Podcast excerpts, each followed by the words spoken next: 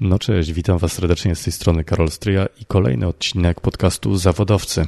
Tym razem chciałbym Was zaprosić do wysłuchania rozmowy, którą zarejestrowaliśmy wspólnie z Kamilą Goryszewską, autorką podcastu Słucham Gadam. Naszym gościem był psycholog, psychoterapeuta, wydawca i autor wielu książek, twórca Akademii Psychologii Przywództwa, współzałożyciel firmy doradczej Values, mentor i wykładowca. Poznajcie pana Jacka Santorskiego.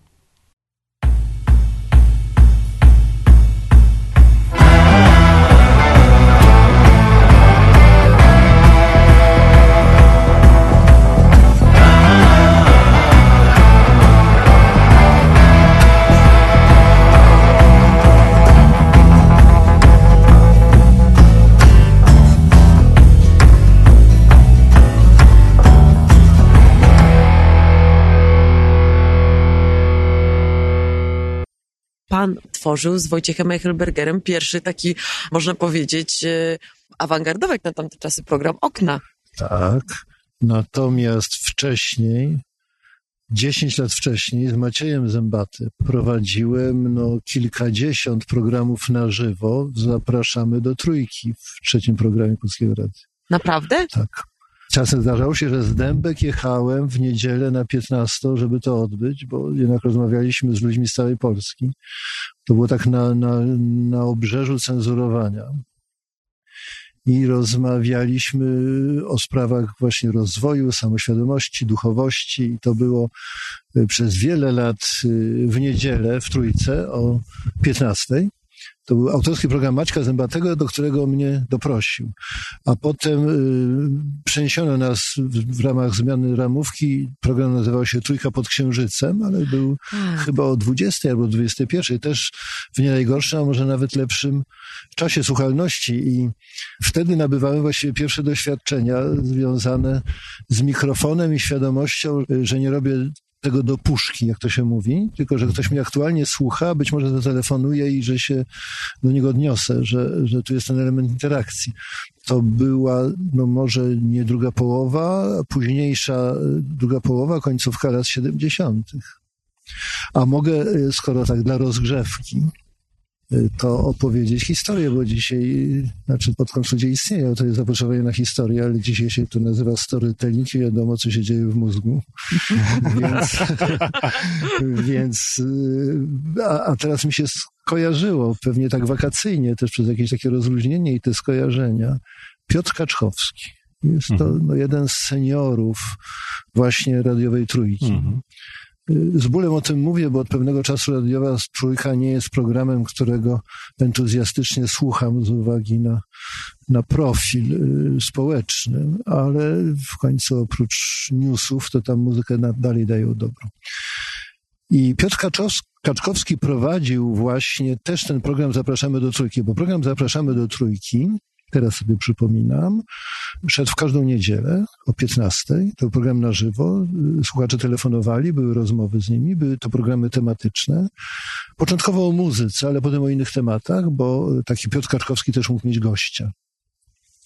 I Piotr Kaczkowski miał jedną z niedziel, a Maciek Zębaty drugą z niedziel. Jeszcze była chyba czyjaś. I to była no, połowa lat 70., no może druga. I Piotr Kaczkowski zaczął rozmawiać o tym, kto co zrobił, żeby odzwyczaić się od palenia. I ja zatelefonowałem, żeby powiedzieć, że zajmuje się takimi nowatorskimi jak na tamte czasy i do dzisiaj nowymi technikami i podejściem, w którym łączy się napięcia mięśniowe człowieka, jego pancerz charakterologiczny tak zwany, sposób oddychania, y, z jego emocjonalnością i że jeżeli człowiek ma dobry kontakt z emocjami, ich przepływem, to jego ciało jest y, ani spięte, ani spętane, ani jakoś może zdezorganizowane, tylko w naturalny, pulsujący sposób, naturalnie dobrze zorganizowane i dzięki temu też ono naturalnie pulsująco oddycha. Natomiast niewielu ludziom jest to dane, w związku z tym pogłębienie oddechu no, zmienia coś w doświadczeniu doraźnym, a jeżeli się to robi regularnie długoterminowym, wiedzą o tym systemy wschodnie, natomiast to były metody psychoterapii somatycznej tak zwanej, w której poprzez intensywne oddychanie dochodziło się do stłumionych emocji, przez to y, poszerzało obszar wewnętrznego doświadczenia, samoświadomości i Aleksander Lowen, jeden z pionierów tej somatycznej psychoterapii, którego y, ja wtedy zaczynałem w Polsce popularyzować. I jeszcze to nie były wydawnictwa oficjalne, bo na nie prawa uzyskałem dopiero od początku lat 90., ale to były takie, taka bibuła. Bibuła polityczna i bibuła psychoterapeutyczna były robione w tych samych drukarniach i jak ktoś przyszedł szukać tej politycznej, to wyciągano tą psychoterapeutyczną. Myśmy to przykrywali wtedy. Ale groziło nam trzy lata za spekulację papierem, tak samo jak tym politycznym.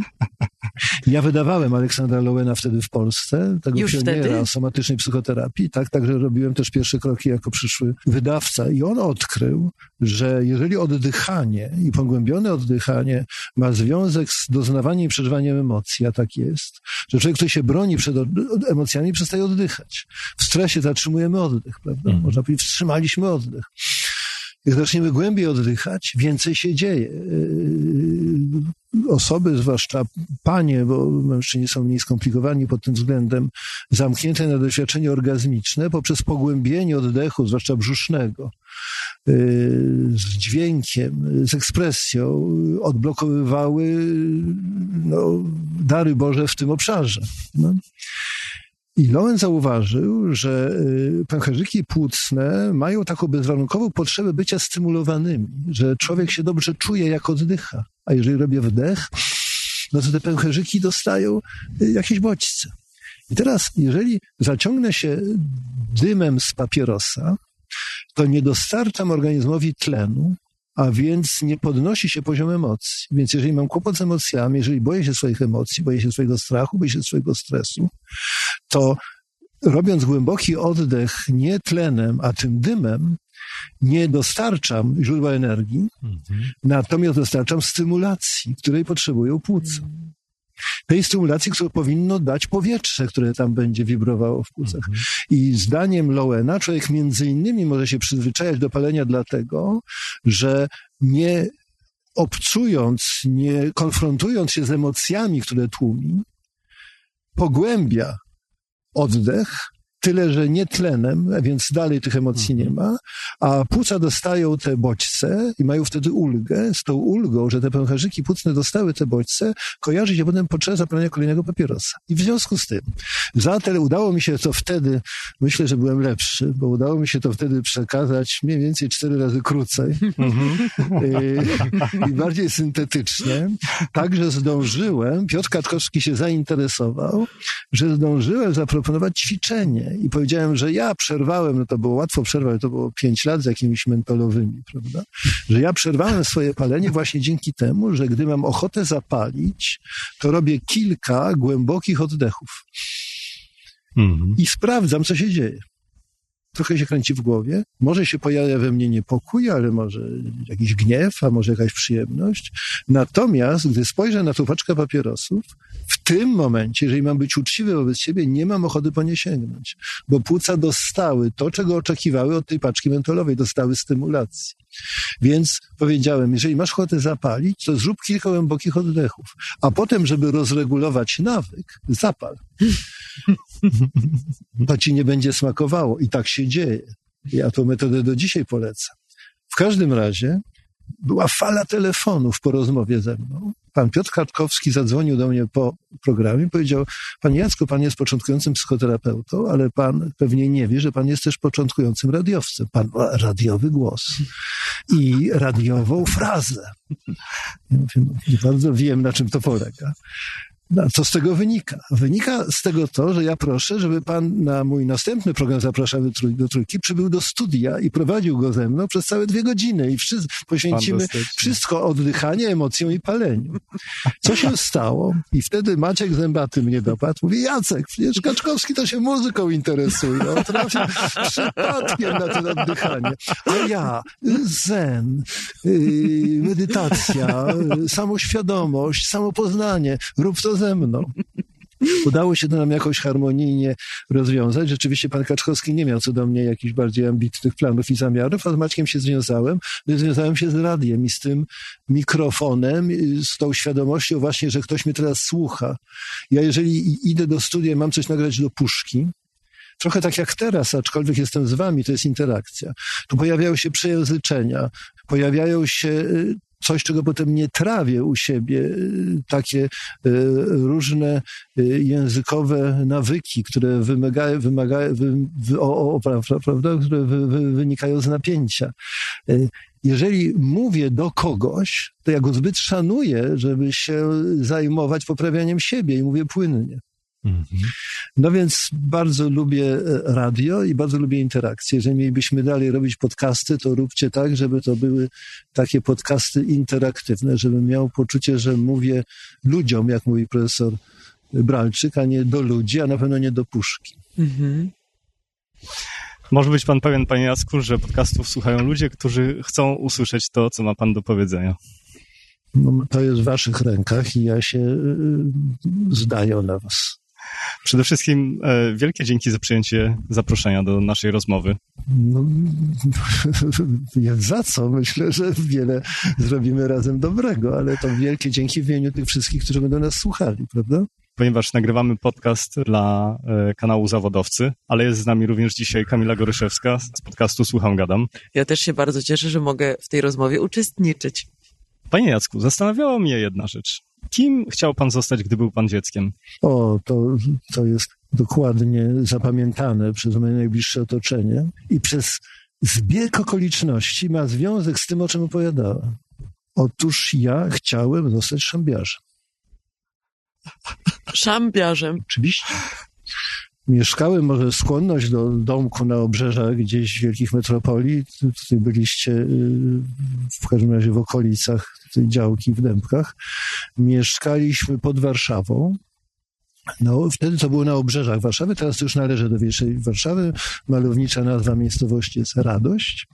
No i wtedy y, no, Radość nie była skanalizowana. Domy miały szamba. My mieszkaliśmy w jednym z nielicznych domów dwupiętrowych, bo to były przede wszystkim domki, więc o ile pamiętam, tam wręcz były trzy jednostki takie. Gdy przyjeżdżali panowie szambiarze, już przy szambo prawie zawsze wyrzucało, było go za dużo, niemile pachniało, wokół takie zielsko świetnie na nim rosło, które pamiętam. Ale ja pomimo tych wszystkich dyskomfortów czekałem na jeden moment kiedy pan szambiarz będzie miał już napełniony swój taki, tą swoją szambiarkę, y, szambem, które tą rurą wciągnął tam i przy takiej wieżyczce z jakimś wentylem naciśnie spust, aby odpalić gazy. eksplozja. Ta eksplozja tak działała na moją wyobraźnię, że ja po prostu tylko na to czekałem. Dzisiaj wiem, poczucie sprawstwa, podświadomość psychoanalityk by mi powiedział, kumulowała się w tobie energia, prawda, nierozładowanego gniewu wobec inwazyjnych, symbiotycznych kobiet, które się temu zajmowały, wołania po tatę, który był nieobecny, prawda, ale wtedy to się wszystko symbolizowało w tym napięciu, które było tak rozładowane, tak spektakularnie. W związku z tym, jedyne o czym marzyłem, to żeby to mieć w swoich rękach. I kiedyś nawet prosiłem pana Szambiarza, żeby mnie tam wpuścił, żebyśmy mogli, ale jakoś nie, nie, nie, nie, miałem, nie miałem jeszcze wtedy takich umiejętności interpersonalnych jak dzisiaj. Natomiast ma to związek z opowieścią o yy, metodach somatycznej pracy z ciałem, o których opowiadałem, Aleksandra Lowena, ponieważ głębokie oddychanie, oddychanie w tak zwanych pozycjach stresowych z naciskiem na napięte mięśnie, jeżeli się praktykuje te techniki psychoterapeutyczne, doprowadzają do odreagowania emocji skumulowane dodatkowo napięcie emocje poprzez głębokie oddychanie, przez podwyższenie temperatury emocjonalnej, doprowadza do tego, że dochodzimy do takiego momentu, w którym mechanizmy obronne, które na co dzień nas trzymają, bo w dłużej się trzymamy, puszczają. I właśnie ta pani, która straciła na lata kontakt z darem Bożym, który nazywa się dzisiaj orgazm, prawda, odblokowuje żeby było ciekawe, nie jest to orgastyczny krzyk, tylko odblokowuje swój gniew. Mhm. Ponieważ Aleksander Lowen odkrył, że kobiety blokują, anorgazmiczne nie blokują doznań seksualnych, dlatego mogą na przykład podczas autoerotycznych doświadczeń mieć subtelne doznania tego rodzaju, tylko blokują swój gniew. Ta miednica zatrzymana, która nie może uderzyć, y, kończyny, które nie mogą kopnąć, bo grzeczna dziewczynka wciąga brzuch, tworzy gorset, wypina pierś, żeby złapać męża, bo potem będzie za późno, prawda? Ale nie ma prawa do swojej żywiołowości, do swojej żywotności, do swojej dzikości, do swojej zwierzęcości. Ja no, miałem dar i zaszczyt pracowania z bardzo wieloma osobami. Początkowo ćwiczyli to sami ze sobą psycholodzy, ale z czasem bardziej zaawansowani, no, można nazwać klienci. Były to takie czasy, że w medycznym instytucie psychoneurologicznym oświecony psychiatra, pan Andrzej Szemis, wynajmował mi lokal na seminaria totalnego orgazmu które wiedział, że nie są y, miejscem do orgii seksualnych, bo tam chodzi o orgazmiczność tak pojmowaną, czyli o przejaw energetycznego zdrowia człowieka. Mhm. Y, zdolność wyładowania, to potem załadowania, a jeżeli jest załadowanie i wyładowanie, to między nimi może być przepływ, prawda? I to była cała wiedza o człowieku. Więc w każdym razie, przeczuwając pewnie, że się kiedyś tym zajmę, chciałem być szambiarzem. A potem kolejny temat, myślę, że też był związany jakoś z tym, że bardzo dużo tam w świadomości mojej pozostawało przez lata. Zbyt szczęśliwego, ale za cenę wolności, tak bym powiedział, dzieciństwa. To kolejny temat, dzisiaj psychoanalitycznie bym to zrozumiał, chciałem być archeologiem. Czyli chciałem grzebać w przeszłości, mhm. chciałem grzebać w tym, co nieznane, chciałem z jakichś szczątków, skorupek, śladów, y, czegoś, co była, już nie ma, odtwarzać to. I podobno napisałem w szóstej klasie taką pracę, y, pamiętam książkę Gdy Słońce było Bogiem, która mnie fascynowała i pracę o historii, prehistorii, archeologii, że prawie, że moja wychowawczyni była przekonana, że mnie namawiać, żebym o tym myślał w przyszłości. Mhm. No ale potem y, poszedłem do liceum, a potem chciałem iść na reżyserię ponieważ akurat w tym roku, 69, y, na reżyserię i teatralną i filmową przyjmowano po jakichś studiach, no to uznałem, że studia, na które mogę się najłatwiej dostać, wtedy nie było matematyki, ubolewam, bo tej matematyki trzeba się było uczyć, bo to jest królowa nauk, ja mhm. dzisiaj to wiem.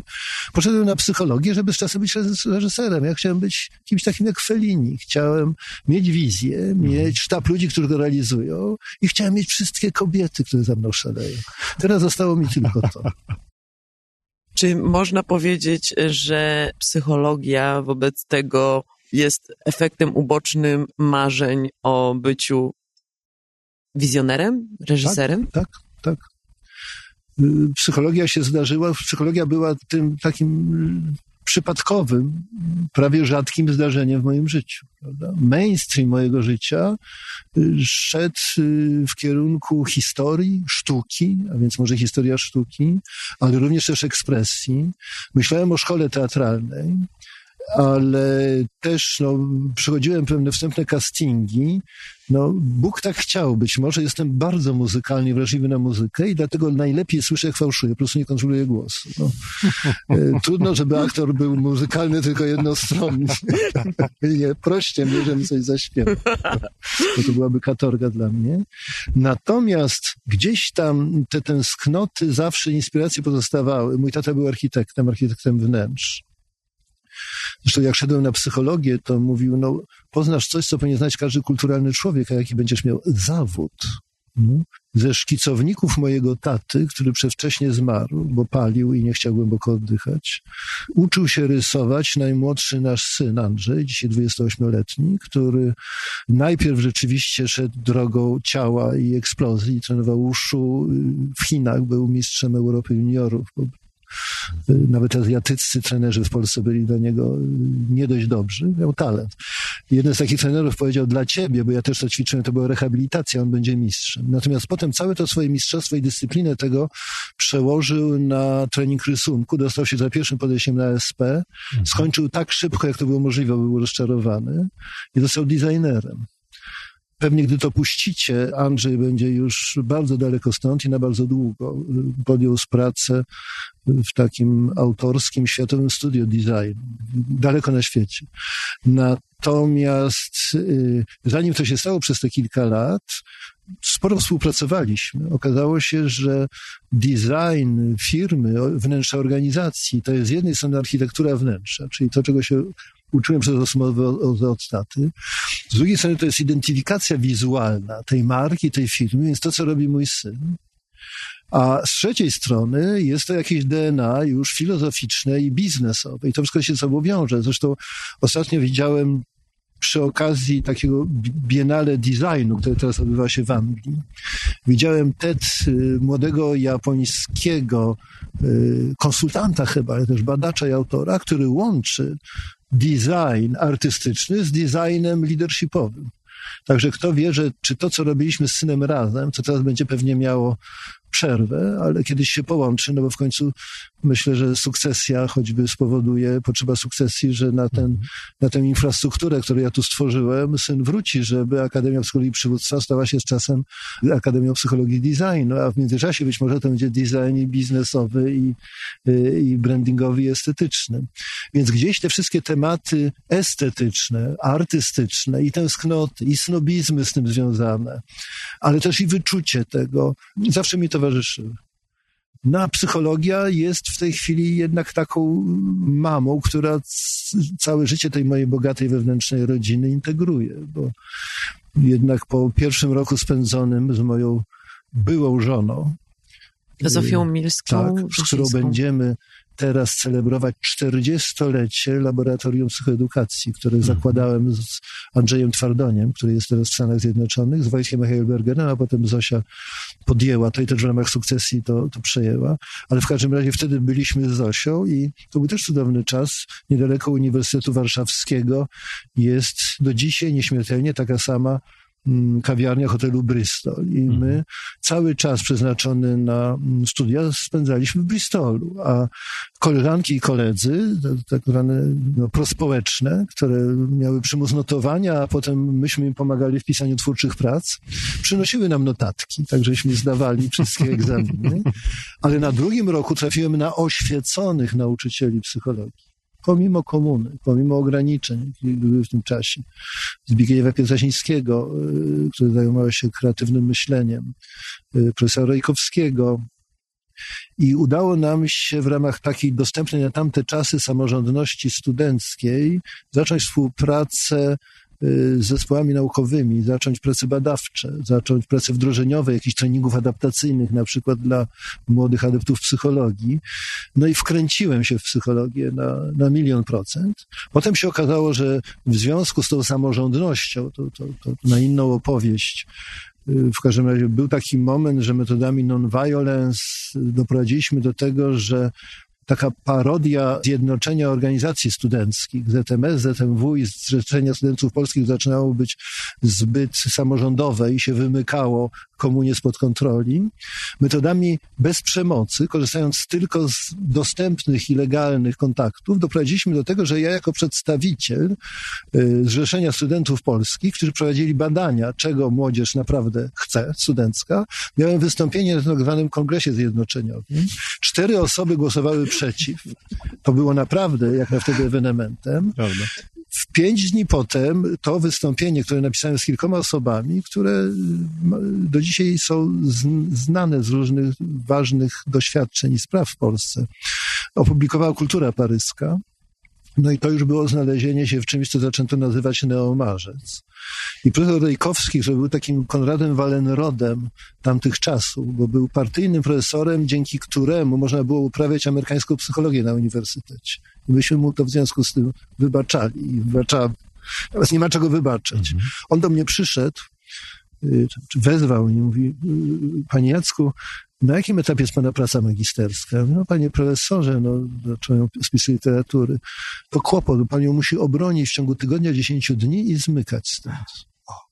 I się okazało, że z jednego wdrożenia takich treningów adaptacyjnych, które robiłem zresztą z Zosią, z moją byłą żoną, dla, dla studentów psychologii, ale potem też socjologii i medycyny, mogę w 10 dni, 10 nocy napisać pierwszą pracę, która jest przy okazji studium przypadku, case study, ją obronić. Mhm.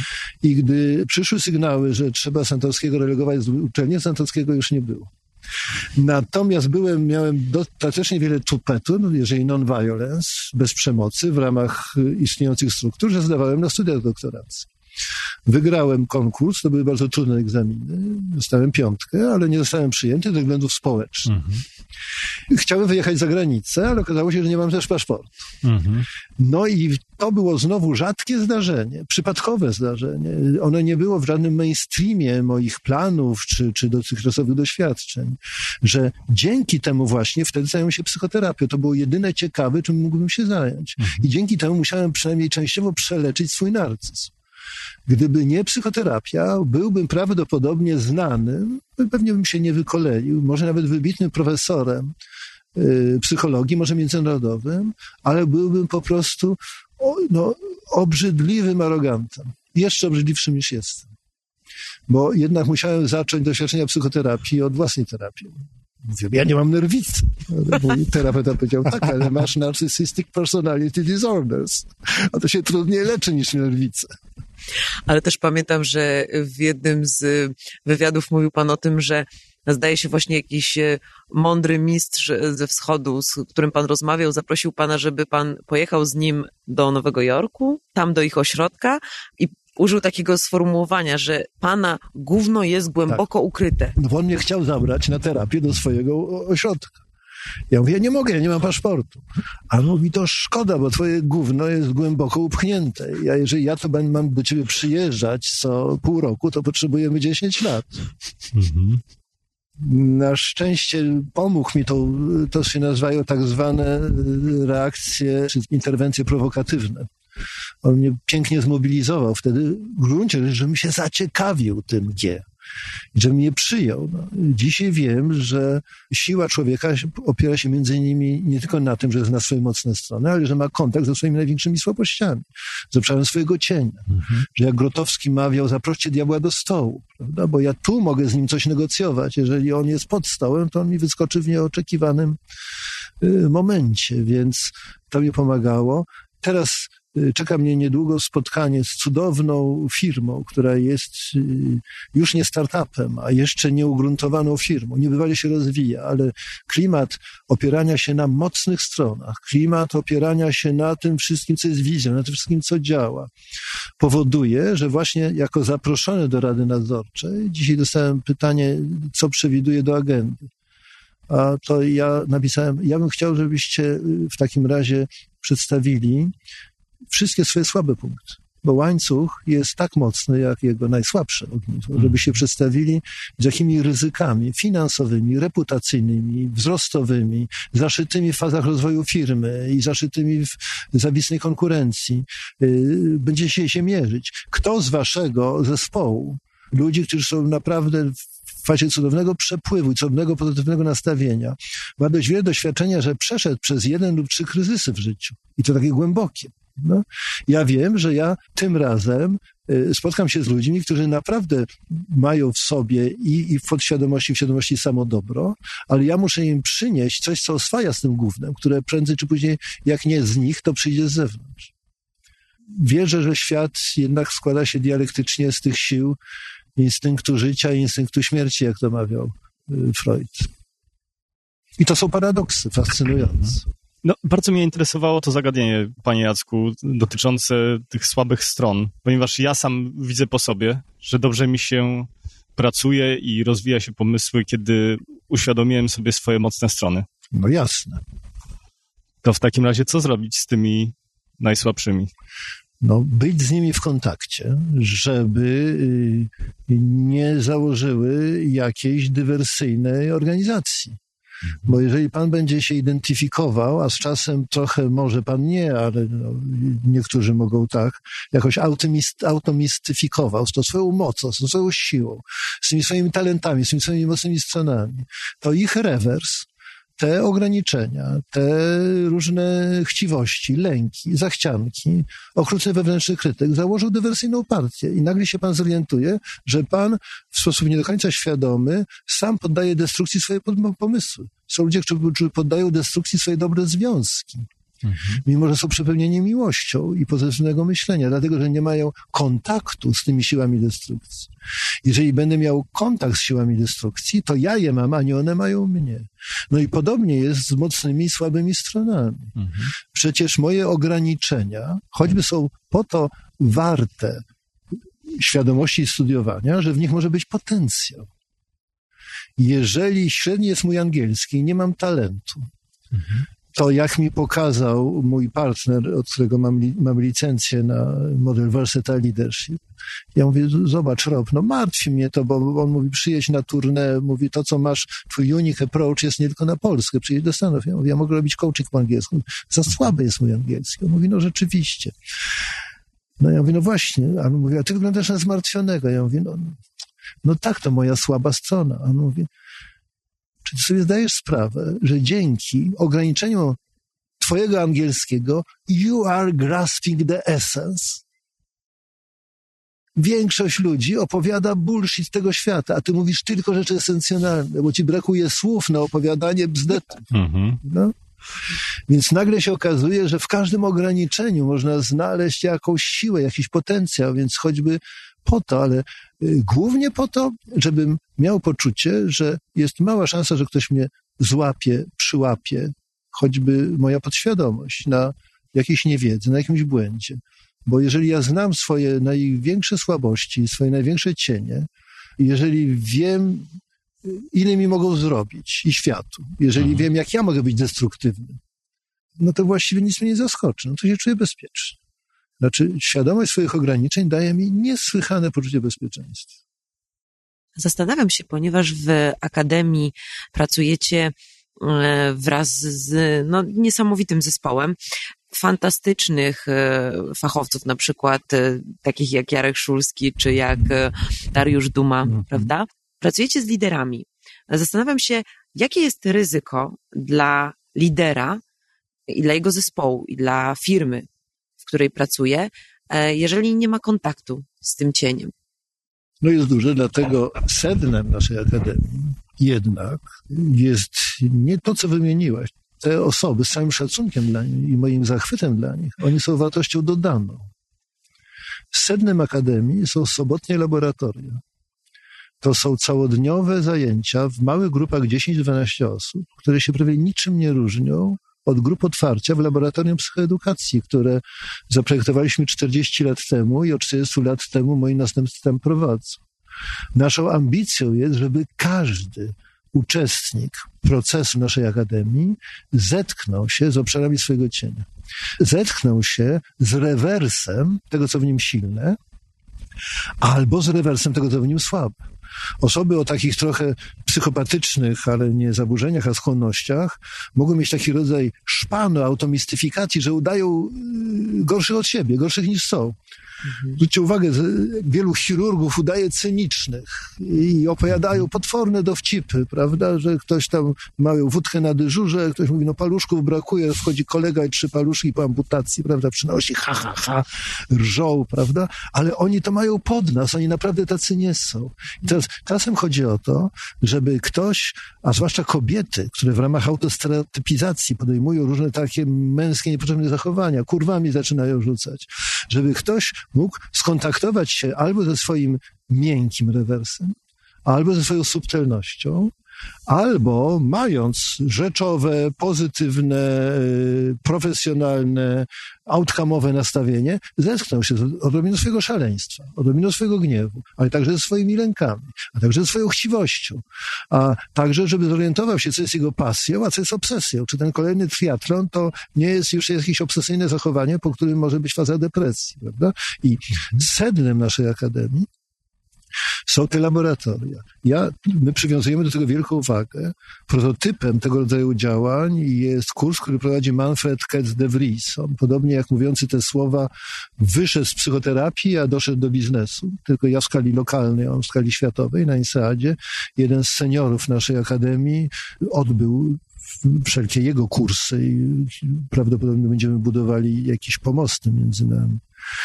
I właśnie dzięki tym inspiracjom y, my proponujemy jako jedyni oprócz Manfreda Keda de Vriesa w tej części Europy, zwłaszcza tutaj, pracę nad sobą liderów a ta praca nad sobą będzie obejmowała też obszar cienia. I w tej chwili jedna z najliczniejszych rzeczy, które robię, pomimo, że większość czasu y, maszeruję, biegam y, po plaży, a potem się opalam i kąpię, to i analizuję bardzo dokładnie ankiety, które wypełniają kandydaci na naszą akademię. Już 50 takich ankiet przerobiłem. Mhm. To kolejny sukces bo jesteśmy gdzieś tam w pół drogi procesu rekrutacyjnego, a my moglibyśmy już uznać, że mamy komplet. Mhm. I w tych ankietach są pytania o Twoje słabe punkty, o Twoje porażki, o to, co Twoim zdaniem predysponuje Cię do zajmowania się sobą. Prawda? I ja z tych ankiet wyczytuję, czy kandydat chce być uczciwy, jest gotów na to, że owszem, jest jakiś prestiż naszych studiów, są te wartości dodane, o których mówisz, ale sednem jest praca nad sobą, która może boleć, która może demontować tak zwane mechanizmy obronne. Jeżeli na podstawie tej ankiety powezmę jakieś wątpliwości, to telefonuję do tej osoby, czy kontaktuję się z nią, aby objaśnić jej indywidualnie, co jest sednem naszego studium. To jest z jednej strony nasz tak zwany unique selling point, prawda? przewaga strategiczna, różnica. My jesteśmy jedynym studium podyplomowym, które proponuje tak głęboko pracę nad sobą liderom, ale z drugiej strony nie każdy może być gotów. Nie każdy może chcieć choćby nam zaufać mimo naszej pozycji jednak tutaj lokalnej i rynkowej.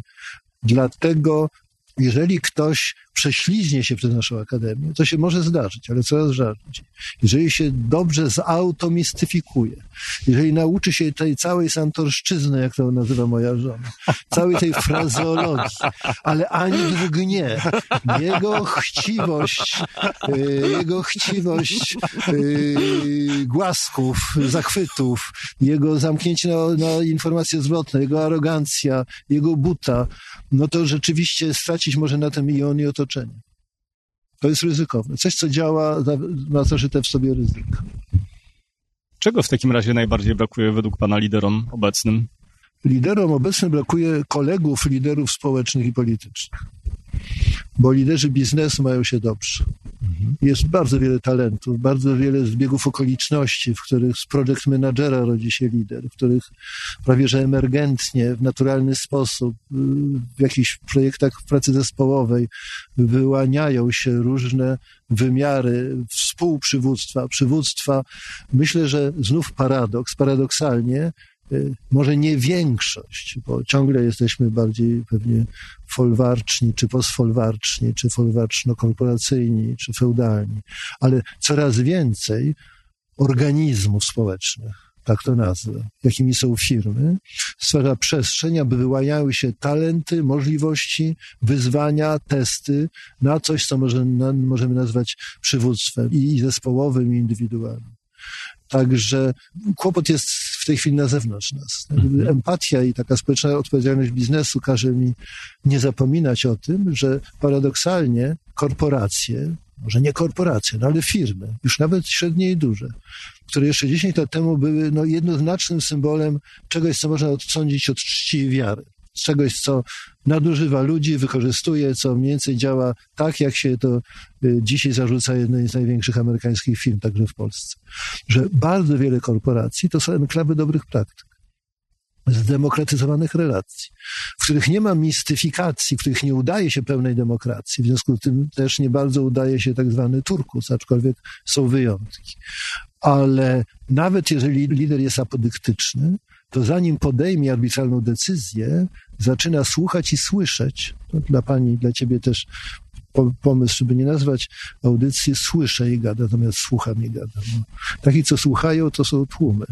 I nagle się okazuje, że można w ramach tych do wczoraj bezdusznych organizacji być owszem arbitralnym przełożonym, ale jednak zasięgać konsultacji współpracowników i niektórych pracowników przed decyzją, aby potem, podejmując dalej swoją arbitralną decyzję, objaśnić ją, wyjaśnić jej cel, powód, tak zwany purpose, w sposób, który będzie zrozumiały i przekonywujący dla tych współpracowników.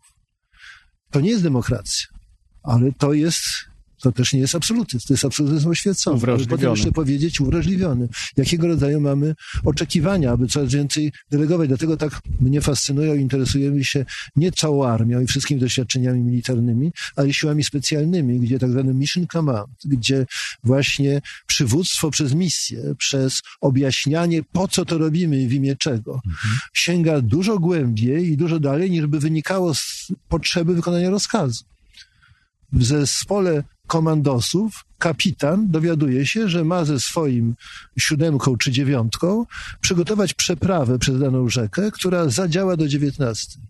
Tak jest. Wychodzi, prawie gotów, ale coś go tknie i wraca. A pułkownik czy podpułkownik, który dawał mu ten rozkaz, też coś go tknęło, bo też wyszedł, spotkali się w drzwi. I kapitan mówi, a po co, panie pułkowniku?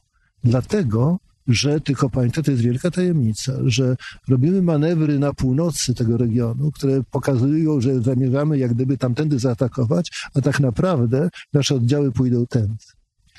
I ten człowiek z tą wiedzą, z tym purpose i z rozkazem, że ma zbudować przeprawę jedzie, zaczyna tą przeprawę, przypadkowy pocisk rozwala mu tą przeprawę po pięciu godzinach. On natychmiast bierze mapę, bierze GPS-y, nie dzwoni, nie, nie, nie, nie, nie, nie kontaktuje się z centralą, tylko znajduje kilometr od tego miejsca kolejne, gdzie tylko mówi swoim żołnierzom, że macie teraz zrobić przeprawę w trzy godziny, a nie w dziewięć. Mhm. Dlaczego? Dlatego, że tędy pójdą nasi chłopcy, a nie tamtędy. A skąd wiesz? Pułkownik mi powiedział, prawda? Czyli nagle się okazuje, że możemy być jak w Navy Seals, jak w gromie, że możemy być w hierarchii, że możemy mieć rozkazy, ale mamy moment takiego szacunku i zaufania, że wyjaśniamy sobie purpose no to niech teraz któryś z polskich polityków, który właśnie na jednym kolanie napisał ustawę, a drugim kolanem ją upycha, powie, mhm. jaki jest jego rzeczywisty purpose. Przecież gdyby powiedział, moim purpose jest, żeby przejąć całą władzę, bo my wtedy zrobimy lepszy, wspaniały świat, to ja bym powiedział, y, okej, okay, why not? Ale on mówi, nie, my naprawiamy, my leczymy, prawda? No jest fałszywy do bólu, prawda? I w związku z tym morale jego takiej y, no, sekty biznesowej się wzmacnia, ale dalszego otoczenia odpada i na dłuższą metę straci to sens. Więc w sumie wewnątrz organizacji biznesowej, gdzie mamy purpose biznesowy, może mniej newralgiczny i delikatny niż polityczny, aczkolwiek tu może chodzić też o politykę, jak w wojsku. Mamy dużo więcej okazji do zdrowych relacji, w których ma, może mieć miejsce to, co profesor Blikle tak ładnie, chociaż trochę idealizuje Turkus, ale ma prawo w końcu. Ktoś w moim wieku ma prawo prawie do wszystkiego, a profesor Blikle jeszcze nawet mnie prześciga tutaj w takiej wytrwałości przetrwania, że nazywa to godnościowym zarządzaniem, godnościowym przywództwem. Tego godnościowego zarządzania i przywództwa jest dzisiaj więcej w firmach niż w państwie. Kolejny paradoks. Więc przywództwa, bo po długiej dygresji mam takie założenie, że jak jeszcze umiem wrócić z dygresji do punktu wyjścia, jeszcze pozwalam sobie przemawiać. Po tej długiej dygresji chcę powiedzieć, czego brakuje polskim przywództwom? Kolegów. Kolegów w obszarze społecznym i politycznym. By mogli widzieć szerszy kontekst. Tak. I by mogli odkryć sobie moc tej pokory, która polega na tym, że z empatią i szacunkiem nieudawaną przekazuje się ludziom purpose przekazuje się ludziom rzeczywistą intencję, a wcześniej się ich słucha i słyszy. Nie tylko y, na co zareagują, co mam im sprzedać, żeby podtrzymać swoją władzę. Te dwa lata temu byli u mnie doradcy i liderzy jednej z partii opozycyjnych, no, porozmawiać ze mną jako psychologiem społecznym biznesu, który zajmuje się nieufnością Polaków, tą folwarcznością, problemami poczucia własnej wartości Polaków, e, traumy transformacji, o których pisałem e, dosyć nowatorsko dwa, trzy lata temu. I ja mówię, słuchajcie, wy szykujecie się tutaj do przejęcia części władzy? Tak, mamy tu szansę, prawda, chcemy to robić. I macie program? Mamy. To znaczy, że macie jakąś diagnozę społeczną Polski i Polaków, bo ja jej nie mam, bo odkąd profesor Czapiński zawiesił swoje studia, my właściwie nie wiemy, komu służymy, w jakim świecie żyjemy. Oczywiście, że mamy diagnozę społeczną Polski i Polaków. To pokażcie. I wiecie, co wyciągnęli? Wyciągnęli słupki poparcia. To byłoby tak, jakby chirurg oglądał na prześwietleniu, szukał tam jakichś śladów, być może ile razy to było wcześniej oglądane i jakie ma miejsce w rankingu yy, dobry lekarz, prawda? Mhm. A nie, żeby dowiedzieć się, co mi jest. Ja mówię, ja szukam y, diagnozy społecznej Polski, którą chcecie zmieniać, której chcecie służyć. Więc dzisiaj dzieje się coś takiego, że politycy słuchają, owszem, ale tylko tego, co potem w marketingu politycznym mają użyć, żeby utrzymać i przejąć władzę. Niektórzy mówią, musimy przejąć władzę, żeby potem zrealizować te programy. Mhm. Może tak, ale może jedno i drugie. Paradoksalnie więcej słuchania, więcej studiowania rzeczywistego zaangażowania lub co jest troską pracowników, że nie są zaangażowani, jest w firmach i w organizacjach i w życiu społecznym. Tutaj a propos turkusu, pojęcie turkusu jest bardzo bliskie Kamili. Tak, mi jest bliskie pojęcie turkusu i jednym z, z tych filarów jest cel. Pan ostatnio uczestniczył w takim e, mentoringowym projekcie międzynarodowym. To były lekcje przywództwa, tak, dla mhm. młodych liderów. Tak. I tam było podanych 15 zasad, z którymi pan się zgadza, ale właśnie nie było nic na temat tego celu. Chcę powiedzieć, że ja w tym nie uczestniczyłem, bo nie zostałem zaproszony. Mimo, że organizowali to ludzie, z którymi poprzednio robiłem karuzelę kultury, może tam już nie było miejsca, może mnie zapomnieli. To jest jakby kontynuacja tamtego wydarzenia, które zresztą było fantastyczne. Jest taki projekt międzynarodowy, zainicjowany przez oświeconego, prawdziwie, moim zdaniem, to jest Dalai Lama chrześcijaństwa, papieża. To jest projekt dla miliona liderów, młodych, dla ludzi około trzydziestki program przywództwa, który ma być mentoringiem przywództwa dla nich, który mają prowadzić wszyscy liderzy wszystkich możliwych szkół przywództwa, którzy chcą się do tego dołączyć. Mnie tam nie zaproszono, ale słyszałem o tym. Był tam jeden z członków naszego zespołu, naszej akademii, więc z uwagi na pewnie swoją proweniencję i swoje priorytety emocjonalne, bo nasza akademia jest dosyć zróżnicowana. Gdybyśmy prowadzili dyskusje polityczne, to by się to mogło dziwnie kończyć. Ja jestem za różnorodnością, również w takim miejscu, jak, jak, jak moja, moja firma, moja organizacja. W każdym razie był tam kolega, który jest bardziej związany z taką tradycją chrześcijańskiego, serwisowego przywództwa. Natomiast zaintrygowało mnie to, więc zobaczyłem tych 15 zasad, w oparciu o które prowadzą ten mentoring. To było 15 zasad wypowiedzianych przez samego papieża, papieża Franciszka. 15 zasad, które mówiły, jak ma działać lider. Niektóre z nich naprawdę bardzo pod prąd tego, jak dzisiaj Kościół działa. Na przykład nie traktuj swojego przełożonego Boga, prawda? Albo jego coś rodzaju wschodniego nie myl palca z księżycem. No? Bądź otwarty, dbaj o siebie, dbaj o swoje zdrowie, dbaj o swój rozwój. Mnóstwo wspaniałych zasad. Bądź koleżeński, współpracy. Ale wśród 15 wskazówek dla liderów, 15 zasad przywództwa, nie było jednej, która moim zdaniem jest podstawowa i kluczowa. To jest purpose. To jest wizja. To jest w imię czego. Być może zakładają, że oni to wszystko robią jednak w imię Ewangelii. I że purpose jest zaszyty w tym wszystkim. Może tak. Ale w każdym razie, gdyby ktoś mnie poprosił o stworzenie, no, ośmielam się dyskutować z samym papieżem, że gdyby, ale w sprawie, na której się znam akurat, że gdyby ktoś mi kazał ułożyć 15 zasad przywództwa, to bym powiedział, starczą cztery. Ale pierwsze to będzie wizja. Potem transwizja. Jak mam doprowadzić do tego, żeby tę wizją, tą wizją się podzielić, współtworzyć albo zainstalować w sercach i umysłach ludzi. Sednem przywództwa jest właśnie purpose jeżeli lider, powiedzmy, społeczny czy religijny jest nawiedzony, e, ten dopiero ma purpose, prawda? I dlatego ta jego bajka jest taka spójna, dlatego tak ludzi porywa. Czyli to, to, że jest purpose, to jeszcze nie znaczy, że przywództwo jest szlachetne, zdrowe, ale jest, prawda? A tam nie ma nic po celu, nic o metacelu, nic o wizji. Tylko o tym, jak być. Zaintrygowało mnie to, ale obiecuję sobie, że jeszcze zgłębię, y, dopytam, w końcu to moi znajomi organizują, więc trochę tak mówiąc o tym, zdaję sprawozdanie mm, z warsztatu z nieskończonego projektu. Chcę się dowiedzieć, dlaczego wśród 15 zasad przywództwa papieskich nie ma purpose. Pozostałe dwie, oprócz wizji i transwizji? dla mnie, w, w, tym, w tej mojej koncepcji. Wspomniał pan o czterech. No myślę, że to byłaby y, self-management, zarządzania sobą, wiary, godność. Jeden z naszych klientów, który, któremu pomagamy poukładać wartości, bardzo biznesowej organizacji, ale w taki sposób, żeby to nie było zmistyfikowane, żeby to było proste. Mhm. Ułożyli swoje wartości. Bardzo mi się podobają, bo są takie oczywiste, ale takie proste. Otwartość i odpowiedzialność. Jak zaczynaliśmy laboratorium psychoedukacji 40 lat temu, mówiliśmy, my przedmiotem naszej edukacji jest otwartość i odpowiedzialność. Jedno bez drugiego może być groźne. Potem zespół, wspólnota, kontekst społeczny, o tym może zapominaliśmy 40 lat temu, a potem wiara i poszanowanie godności wiarygodność. Żeby mieć wiarygodność, to są angielskie słowa niestety, ale to się da przetłumaczyć. Poza perpet. Profesor Bralczyk też e, no, pokornie mówi, no może powód. Ja mówię, dobrze, ale moim, jeżeli mam wypadek, to e, ten wypadek nie jest moim perpes. Moim perpes jest przywrócić zdrowie. Prawda? Więc to jest powód, ale i cel. Prawda?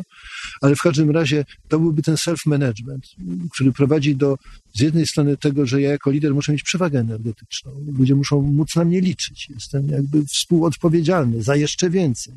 A z drugiej strony, że mam być spójny. Mhm. Bo mogę być spójny jako szołom. Szołom też jest spójny. Ma wszystko tak poukładane i dlatego jest taka potęga. I wtedy jest pytanie, czy być właśnie oświeconym y, liderem, czy nawiedzonym liderem. Jedni i drudzy mogą mieć swój target. Czyli to trzeci element, a czwarty? No, pierwszy to był wizja, wizja? drugi to była transwizja, transwizja? Y, trzeci self-management. No, czwarty będzie rozciągnięty w czasie. Książka, którą napisaliśmy z Kubą Bączkiem, determinacja. W jakim momencie motywację trzeba zamienić w determinację jakim pięknym odruchem jest ta t-shirtowa e, rewolucja w Polsce mhm. z konstytucją. Ale to jest odruch, a nie ruch. Ruch wymaga lidera i programu. No? I to jest podobnie z motywacją i determinacją. Startup y, zaczyna być już dojrzałą firmą, gdy to, co innowacyjnie wdrożył, wprowadził, zaoferował, zaczyna być powtarzalny, zaczyna być kontrolowalny, zaczyna mieć przewidywalną ciągłość. A do tego jest potrzebna determinacja, nie wystarczy motywacji. No więc niech to będzie taka teoria przywództwa na dzisiaj. Y, purpose, czyli wizja, transwizja, self-management i, i determinacja, a teraz pan profesor Blalczyk niech nam to nazwie, tak, że można to było mówić ludziom dopytam, jeżeli chodzi o wizję. Zastanawiam się, na ile jest możliwe, żeby lider, który nie prowadzi swojej firmy, tylko jest zatrudniony przez jakąś dużą organizację, na ile jest możliwe, e, żeby pracował w oparciu o wartości czy ten purpose, który nie jest z nim integralny. Rzecz w tym, żeby stał się integralny, wizją można zarazić. To jest właśnie ta transwizja. Choćby cała metodyka design thinking, która polega na tym, że się w oparciu o wstępne pomysły z ludźmi już razem dopracowuje nawet definicję pojęć, że oni ani się obejrzą, są współautorami, współtwórcami w tego. Czyli właściwie można powiedzieć, że jest tylko ktoś, kto rzucił tą pierwszą myśl. Czasem jest zresztą, że tą pierwszą myśl rzuca ktoś z zespołu, a zadaniem lidera jest tylko to podjąć i stworzyć tego infrastrukturę, żeby dalej się toczyło. I to może być tak, że to się czasem jest jakoś zawieszone, powstaje między ludźmi. Zajmuję się Akademią Psychologii Przywództwa. Staram się podchodzić do tego w sposób maksymalnie realistyczny. Ostrzegam przed taką tęsknotą do raju, jaką są wizje turkusowych organizacji, że łatwo mieć turkus w pierwszej fazie, w pierwszym etapie firmy, tym romantycznym. Trudniej, kiedy z ludzi wychodzą bestie, kiedy trwa stormingu, a jeszcze trudniej, kiedy są ryzyka biznesowe, a potem powstaje pytanie, czy jest sens tworzyć wspólnotę finansową, kiedy zarządzanie choćby podatkami i ZUS-ami bardziej się opłaca, kiedy się to jednak e, zdywersyfikuje i zdeleguje jakoś, a nie, że jest jedna komuna i wspólnota w tym zakresie. Ale to jest tak, że na marginesie ja lubię turkus, ja mam, to jest moja, też moja tęsknota. Jeżeli ja mam pretensje, to mam pretensje do ludzi, którzy się nim zajmują w tym roku w Polsce którzy po prostu wcześniej nie zajmowali się, tak jak mówiący te słowa, e, tymi wszystkimi zjawiskami relacji podmiotowości, dowiedzieli się o tym wszystkim dopiero z książki Lalu, no i z poczuciem takiego nawrócenia nawracają innych, prawda? I nie byłoby w tym żadnego kłopotu, gdyby nie robili tego albo w sposób właśnie już sekciarski, albo komercyjny.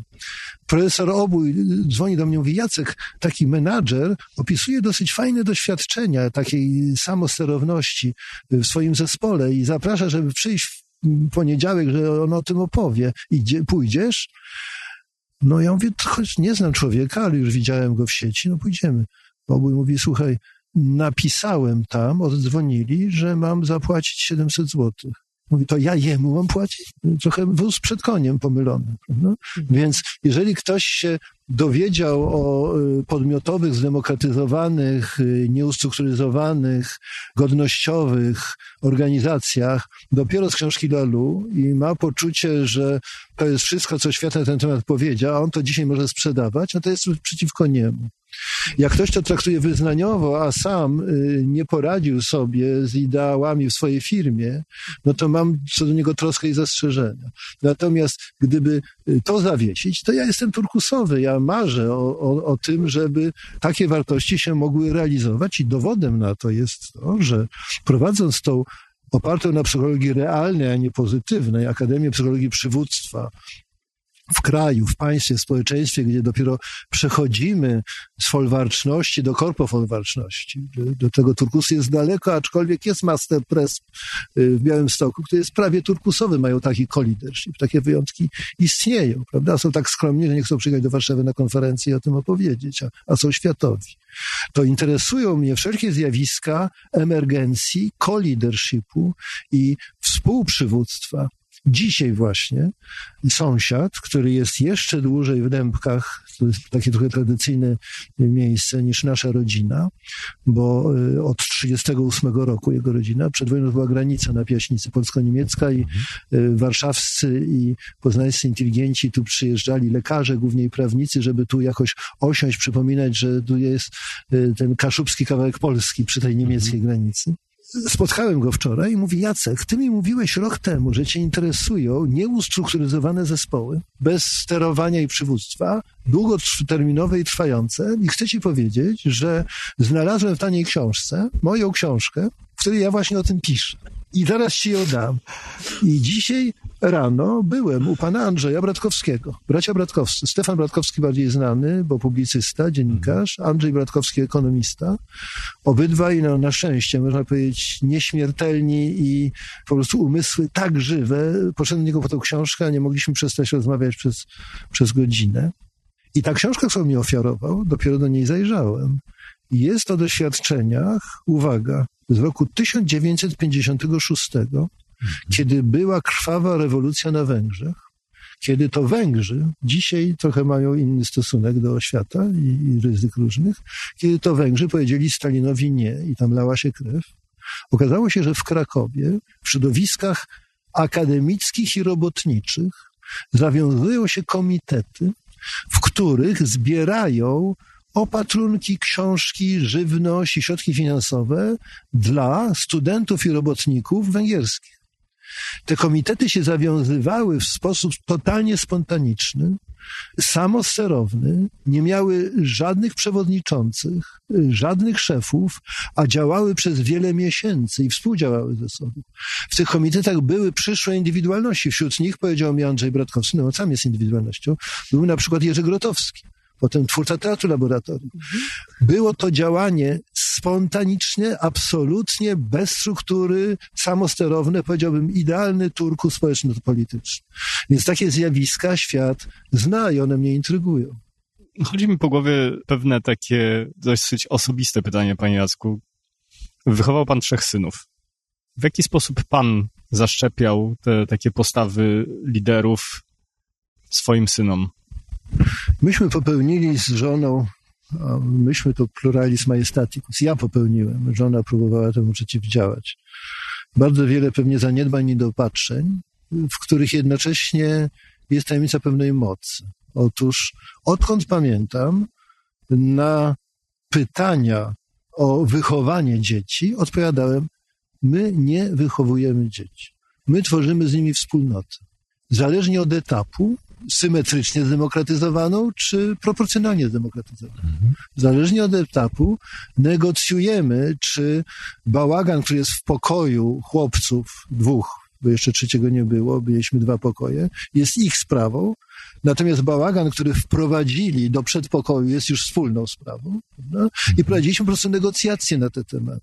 W tej wspólnocie była właściwie jedna, jedyna wartość, której moja żona stała na straży po prostu, no i stoi, będzie miał 40-lecie laboratorium psychoedukacji z pierwszą żoną i 40-lecie małżeństwa y, z drugą żoną, którą jest szacunek. Po prostu szacunek za wszelką cenę. Jeżeli poleciały jakieś podpatrzone w przedszkolu y, czy na tenisie u taty y, kurwy z ust synka w stronę drugiego synka, to żona mówi, to jest twój brat, nie mów tego. Nie, że nie mówi się takich słów, to brzydko, tylko to jest twój brat. No ja rozumiem, że się złościsz, ale nie mów tak do mnie.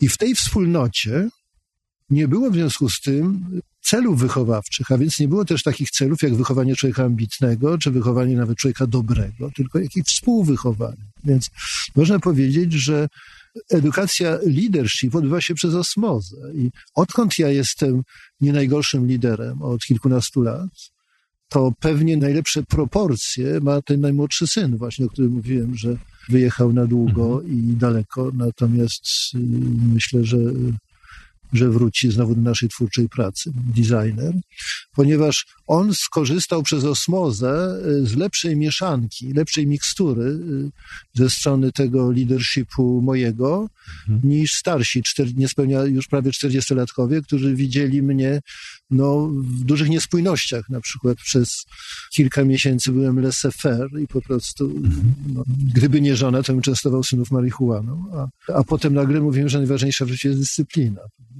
Ja bym jeszcze chciała zapytać, bo Pan jest dla bardzo wielu osób mentorem. Czy jest ktoś, kogo Pan uważa za swojego mentora? Ja to mam po, poukładane y, y, na mentoring moments.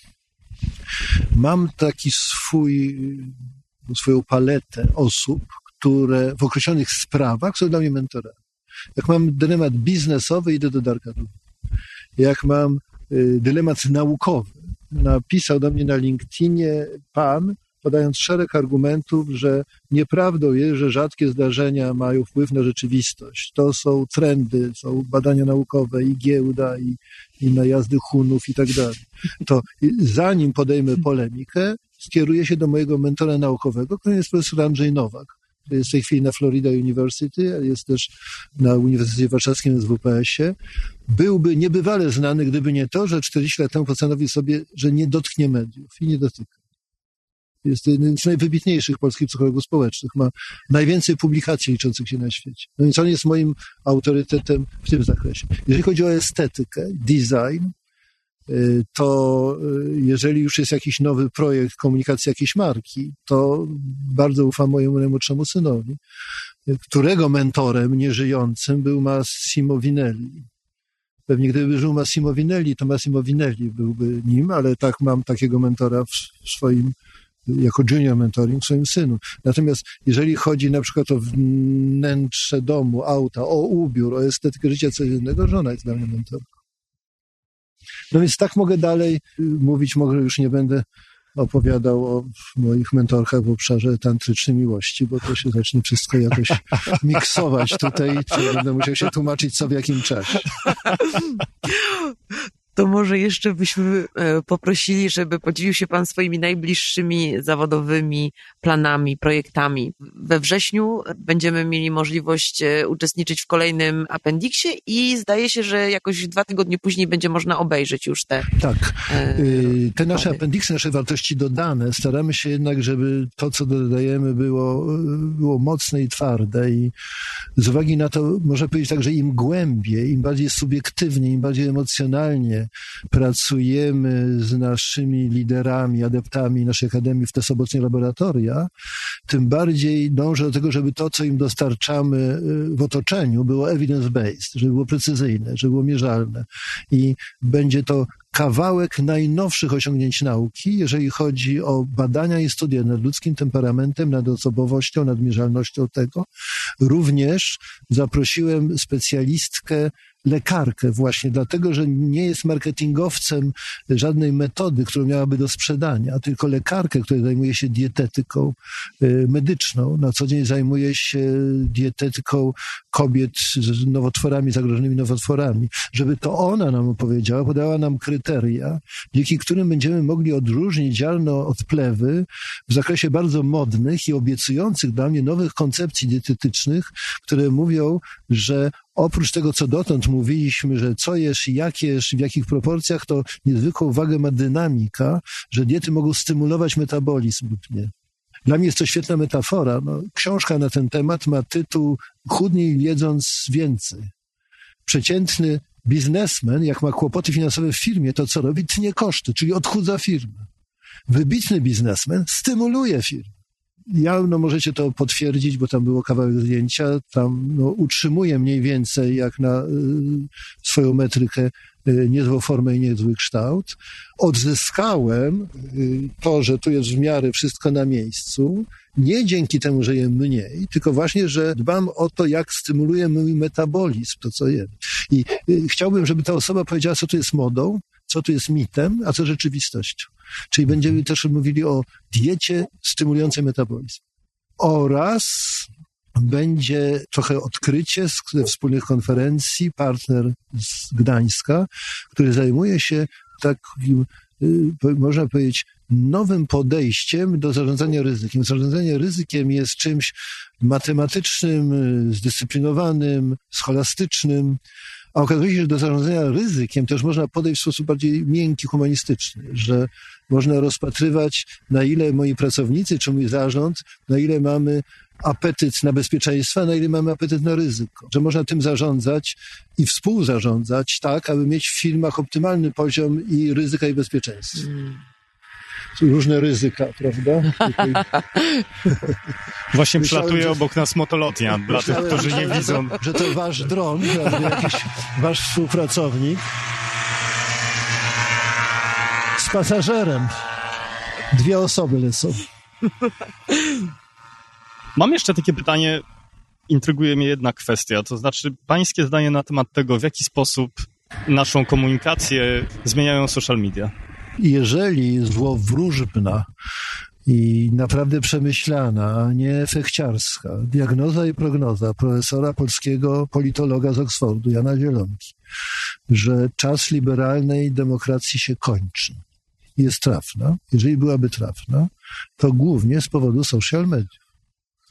Bo podstawą demokracji, tak jak to rozumiem, było, że najpierw od bezpośredniej demokracji ateńskiej, poprzez pośrednią, prawda, poprzez y, takie czy inne delegatury, ale podstawą demokracji jest reprezentacja wartości, potrzeb, interesów, punktów widzenia. Reprezentacja jakoś, jakimiś narzędziami, zintegrowana, uogólniona, przekładająca się potem na przedstawicieli, którzy w imieniu różnych grup realizują po pewnych kompromisach czy skomponowaniu różnych trendów takie czy nie inne programy. W tej chwili social media nie służą badaniu wartości i potrzeb ludzi bez pokusy natychmiastowego kształtowania ich. Dzisiaj każde badanie opinii, każde badanie potrzeb jest aktem marketingu politycznego. A jeżeli jednocześnie postęp technologii jest taki, że to może być do bólu zindywidualizowane, że właściwie potrzebujemy jeszcze roku, dwóch, żeby każdy pytany o opinię był trochę zapytany inaczej, tak żeby wygłosił ją zgodnie z oczekiwaniami pytającego, a przy okazji jeszcze potem kliknął coś, co jest mu podsunięte i emocjonalnie dalej zadziała, a potem dopiero użył swoich płatów przedczołowych, żeby sobie już tylko zracjonalizować to, co się zdarzyło, to my żyjemy w czasie absolutnego wynaturzenia wszelkiej reprezentacji społecznej poprzez social media które stały się narzędziem marketingu politycznego. To co robić? Pospolite ruszenia, zebrania na, na rynkach, kto wie. No. Albo może się okazać, że należy je kontrolować, a w związku z tym nowym rozwiązaniem dla nawet najlepszych intencji demokratycznych, będą jednak dyktatury, które będą kontrolowały spontaniczny żywioł mediów społecznościowych, które, jeżeli, bo jeżeli się znamy na niewidzialną, tak jak na niewidzialną rękę rynku, która jednak musi być regulowana, to niewidzialna ręka tej emergencji mediów społecznościowych za, zawsze zostanie zagospodarowana przez jakichś gangsterów. W związku z tym obawiam się, że zmierzamy nieuchronnie do tego, żeby powstawały dyktatury, tylko z nadzieją, że oświecone. I prototypem tych oświeconych dyktatur dla państw są być może y, firmy, którymi się zajmujemy dziś. Ale już wypowiadam się w sprawach, w których zaczynam być na poziomie z całym szacunkiem dla taksówkarza, który dużo słucha, przetrawia, ale to ja tu nie jestem już ani przemyślany, ani odczytany, aczkolwiek są to moje trosy. A czy uważa pan, że człowiek jest z natury dobry czy zły? Człowiek jest z natury dobry i zły. I zależnie od tego, co żywi, proporcje się zmieniają. Okoliczności, jak pokazują eksperymenty Zimbardo, jeżeli nie były naciągane, bo ostatnio... Eksperyment stanfordzki. Yy, tak, stanfordzki, tak. No, też no, no, no, no, zawsze ścierają się dwie teorie, Falińska i Otwocka. Jedna, że człowiek z natury jest jakiś, a drugi, że zależnie od okoliczności coś przejawi. Najciekawsze są dla mnie te studia nad tymi, którzy uchylili się na przykład z instrukcji w eksperymencie Milgrama, prawda? tym, w którym trzeba było razić prądem, mm no, który jakoby był szkodliwy, nawet groźny dla życia, przy okazji jakiegoś treningu uczenia się, bo autorytet kiwał głową, że można to zrobić. Te badania Milgrama powtórzyli polscy psychologowie w ubiegłym roku z Wrocławia. Niestety mhm. wyniki są takie same jak 50 lat temu, które pokazują, że tym razem tu nie kontekst sytuacji, jak w eksperymencie stanfordzkim, a autorytet powoduje, że jak autorytet kiwa głową, to ja będę zabijał ale mnie zawsze intrygowały w tych eksperymentach i Zimbardo zresztą poświęcił temu ciekawy rozdział swojej ostatniej książki. Ten rozdział jest pod tytułem o banalności y, zła, właśnie, że nie można wykazać, że coś predysponuje człowieka do zła, ale też nie można wykazać, co predysponuje do dobra, a jednak są tacy, którzy odmawiają w tych eksperymentach. Mhm. Opowiadał y, psycholog polski, który prowadził te badania dwa lata temu nad eksperymentem Milgrama, jeszcze raz y, tutaj w Polsce, że mieli tam zróżnicowaną grupę społeczną, no i że wśród badanych był pan o niezbyt wyciągniętej szyi, dokładnie ogolony, w bluzie z kapturem, czyli mieszczący się w stereotypie kogoś, od kogo można oczekiwać raczej, że tam będzie pewnie raził tym prądem. Kiedy dostał instrukcję, podniósł się i mówi, czyś ty ochujał? Czyś tego człowieka to kurwa boli? Mhm. No i teraz bądź tu mądry, kto jest dobry? W takim razie z tym pytaniem zostawmy naszych słuchaczy. Panie Jacku, serdecznie dziękujemy za poświęcony ja czas. Dziękuję, miło mi. I za tę rozmowę. Kamilo, bardzo dziękuję za... Dziękuję również. To co, Kamilo, rozpatrzysz yy, słyszenie i gadanie? Tak, rozpatrzę. Dziękuję. Dobrze, dziękujemy bardzo.